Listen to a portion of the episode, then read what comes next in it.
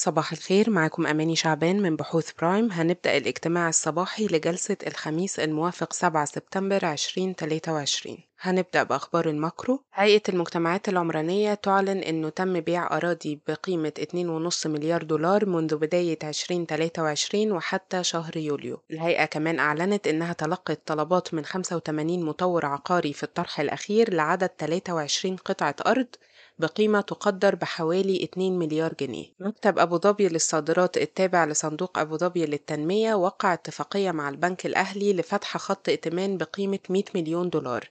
الاتفاقية بتهدف لتنمية التعاون الاقتصادي بين الإمارات ومصر وتشجيع الشركات الإماراتية على تصدير منتجاتها من السلع والخدمات في السوق المصري. بالنسبة لأخبار الشركات عندنا أكتر من نتيجة النهاردة. أولهم شركة الشرقية للدخان هتكلمنا عنها زميلتي نوران أحمد. أعلنت الشرقية للدخان عن نتائجها الكاملة ل 2022 2023 واللي فيها صافي أرباح قوي بشكل استثنائي جدا على أثر الإيرادات الأخرى الأقوى وانخفاض معدل الضريبة الفعلي.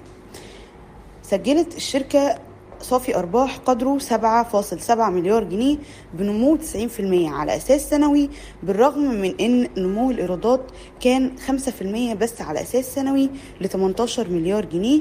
وكمان استقرار هامش مجمل الربح عند 46% وبيرجع نمو صافي الأرباح لارتفاع الإيرادات الأخرى ل 721 مليون جنيه بنمو 374% على أساس سنوي وارتفاع إيرادات الاستثمارات المالية لمليار و600 مليون جنيه بنمو 13% على أساس سنوي مع انخفاض معدل الضريبة الفعلي ل 21.6% بانخفاض 2 نقطة مئوية على أساس سنوي.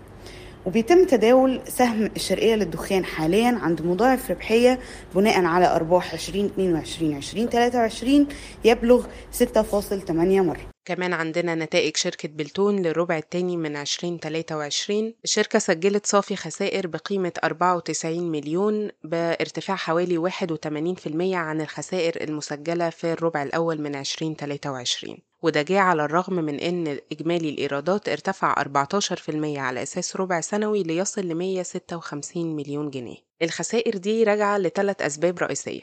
أولها هي زيادة التكاليف التمويلية اللي وصلت ل 63 مليون جنيه نتيجة لارتفاع أسعار الفايدة والسبب التاني هو ارتفاع في التكاليف التشغيلية الأخرى اللي وصلت ل 66 مليون جنيه والسبب التالت هو غياب أي أرباح من فروق العملة مقابل أرباح فروق عملة ب 18 مليون جنيه الربع الماضي. أما لو هنبص على النصف الأول إجمالا على أساس سنوي هنلاقي إن صافي الخسائر كمان ارتفع 38% ل 146 مليون جنيه على الرغم من قفزة في إجمالي الإيرادات ب 165% لتصل ل 292 مليون جنيه. الانخفاض على أساس سنوي راجع بسبب زيادة قوية في المرتبات والأجور اللي وصلت ل 207 مليون بجانب ارتفاع التكاليف التشغيلية الأخرى وارتفاع التكاليف التمويلية. شركة طاقة انتهت من إجراءات تأسيس شركة داخل المملكة العربية السعودية بالشراكة مع شركة توزيع الغاز الطبيعي. دي كانت أهم أخبارنا النهاردة. شكرا وصباح الخير.